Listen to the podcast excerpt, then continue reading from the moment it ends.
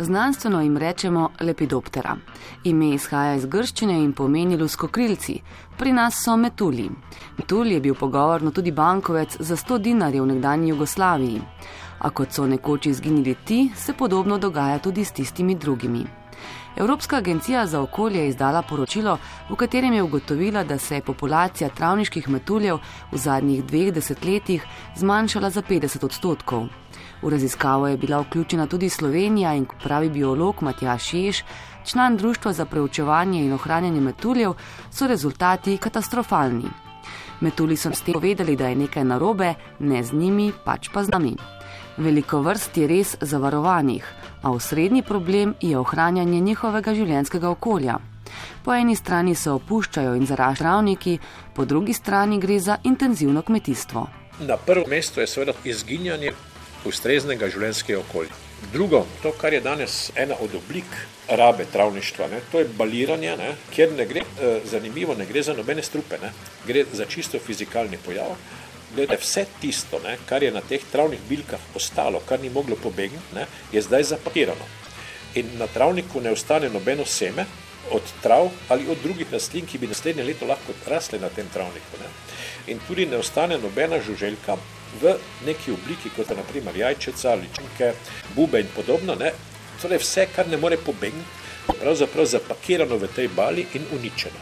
To so pač te sodobne oblike kmetijstva, ki so enostranske. Ne? Na svetu je približno 140 tisoč vrst metuljev in so tretja najbolj številna skupina žuželk. Od tega je le 18 tisoč dnevnih, ostali so nočni.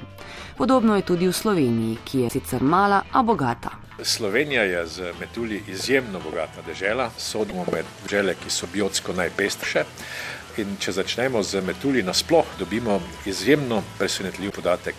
Približno 3600 vrst metuljev živi v Sloveniji. Večina njih so pa seveda nočnih, manj poznamo.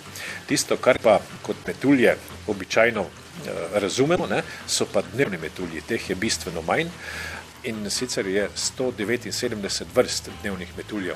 Bogat pa tudi barviti svet metuljev.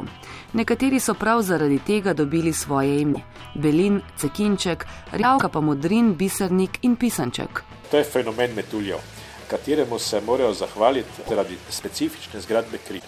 Njihova krila niso gola, kot naprimer pri muhah, kot pri čebelah, kot pri kačjih pastirjih in podobno, ne? ampak so prekrita z drobnimi luskicami. In te luske imajo pigment, imajo to lastnost, da so obarvane. In vsaka luska ima lahko svojo barvo. Naprimer, zoric, ne, samčka od te zanimive zgodne pomladanske vrste, prepoznamo po teh oranžno-rumenih krilih. Ne.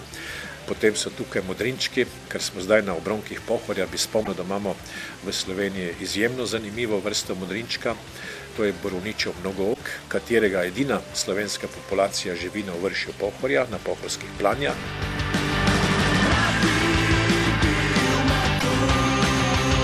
Dnevni metuli se orientirajo z vidom. Imajo dobre oči, s katerimi prepoznavajo barvne vzorce cvetlic in partnerjev. In včasih zaradi izbire pretepi pri samčkih niso redki nekaterim pa je barva tudi zaščita. Recimo nočni metulji, ovniči, ki sicer letajo po dnevi, z opozorilnimi barvami opozorjajo, da so strupeni. Partnerji se prepoznajo zato, da lažje pride do oploditve. Pri dnevnih metuljih je to še posebej pomembno. Ne? Drugo, recimo, mnogi metulji imajo varovalne barve. Če pogledamo med dnevnimi metulji, naprimer dnevnega pavlinčka, ne? Ko gledamo zgornjo stran njegovih kril, je ta čudovita pisana z velikimi očesnimi vzorci. Kadar bo pa ta metulj zložil svoje skrila po konci, kakšne barve takrat? Skoraj črne, ne? Torej gre za varovalno barvo, ki pa ni sama po sebi varovalna, ne? Varovalni efekt se doseže samo v kombinaciji z obnašanjem. On mora takrat na tak način imeti zložena krila in lepo na miru sedeti. Bolj ga plenilec zlepa ne opazi. Če pa že pride kakšen plenilec, naprimer kakšna ptica, ki po deblu išče svojo hrano, ne, takrat pa on v trenutku odpre ta pisana krila ne, in v plenilca naenkrat zabuljo štiri taka velika očesa, ne, štiri velike oči.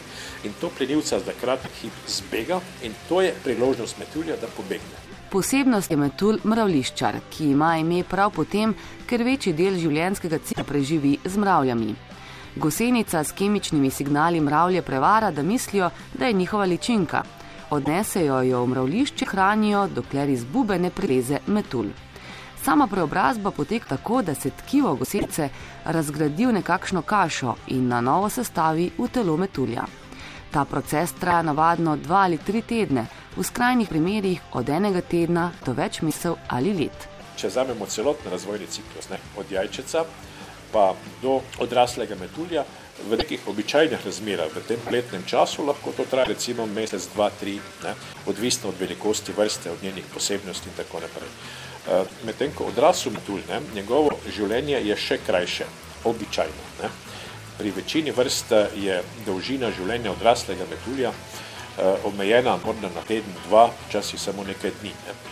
Imamo pa nekaj izjem, seveda. Ne.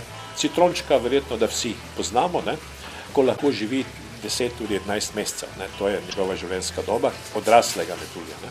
Kajti zdaj sredi poletja eh, so se že izlegli novi letošnji citrončki in ti bodo seveda do jeseni letali okrog, ne, bodo aktivni, potem pa preidejo v zimsko mirovanje, v zimsko pauzo. In oni potem kot odrasli metulji prezimijo in šele naslednjo pomlad potem nadaljuje za svojim življenjem in uh, pride potem do tistega odlaganja jajčec in gosenice in bube in tako naprej. Ne.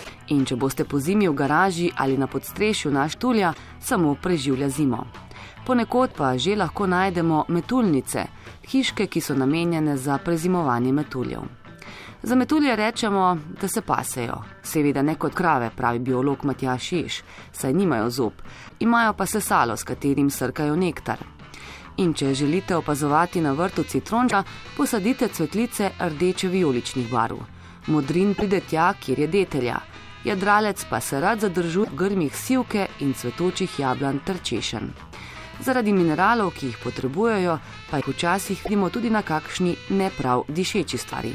Pri nočnih metuljih je situacija taka, da se mnoge vrste kot odrasle sploh ne prehranjujejo več, ampak uh, uporabijo še tisto energijo, ki jo je gosenica zbrala v obliki tušče v svojem telesu in to tuščo seveda ohranijo. Ne? Dokler imajo to zalog tušče, lahko tudi letajo okrog in uh, opravijo tisto poslanstvo, za katerega pravzaprav so. Tako da pri nočnih metuljih je tega prehranjevanja že nekaj manj, večina njih pa se vseda še vedno prehranjuje in ob tem prehranjevanju metulji so, podobno kot čebele in še kakšne druge žuželke, so zelo pomembni opraševalci številnih rastlin. Če govorimo o nočnih metuljih, tudi ti so ogroženi, predvsem zaradi razsvetljave. Namesto, da bi si po noči iskali partnerja, sedijo ob luči, kjer jih zlahka doleti tudi netopirjev gobček. Zakaj jih privlači svetloba, če pa so nočni in so se pred njo umaknili, biolog Matjaš Ješ. To je to, da jih privlači svetloba. Ko so vendarle uspeli to eh, znanstveniki do kraja pojasniti, ne, gre pravzaprav za pomoto. Ne. Eh, ta umetni vir svetlobe, ki jo človek sproži, ne, zbega njihov naravni orientacijski sistem, ki je sicer naravnan na neke svetle točke na nebu, na nočnem nebu. Ne. In uh, on seveda postane ujetnik in to je pravzaprav za nočne metulje tudi pogubno. Ne. No, med nočnimi pa so tudi naši največji predstavniki metuljev. To je veliki nočni pavlinček, Saturnija piri, tudi ogrožena, zavarana živalska vrsta. Premer njegovih kril ne, je tam nekje 15, 16, 17 cm. To je tudi največji evropski metulj. Ne. Zadnjih sto let recimo ima malo konkurence, ne, zato ker smo dobili iz azijskih krajev eh, njemu nekoliko podobnega metulja, ki mu pravimo Yamamaj. Ne, in se kot domestek svilo prejke, pravzaprav pred dobrimi stoletji v Evropi pojavil in, sem, in se je pri nas v domačo, tako da zdaj ga dobimo recimo v julijskih ali avgustovskih nočeh, ne, se znajo v kar velikem številu spreletavati in so res take zanimive nočne prikazni. O nekaterih legendah povezanih z metulji, ki so dražili domišljijo že indijanskih plemen, pa jasno rodošek.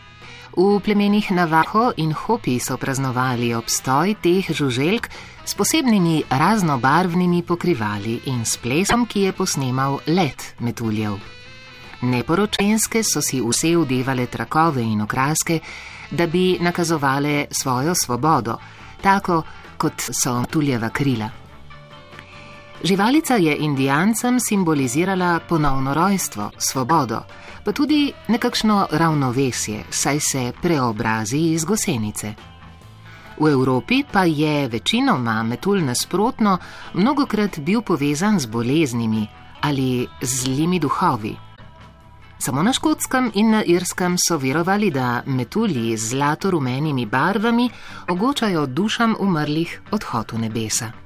Zelo znan je tudi efekt metulja, se pravi, da čisto drobne spremembe lahko povzročijo ogromne dolgoročne premike.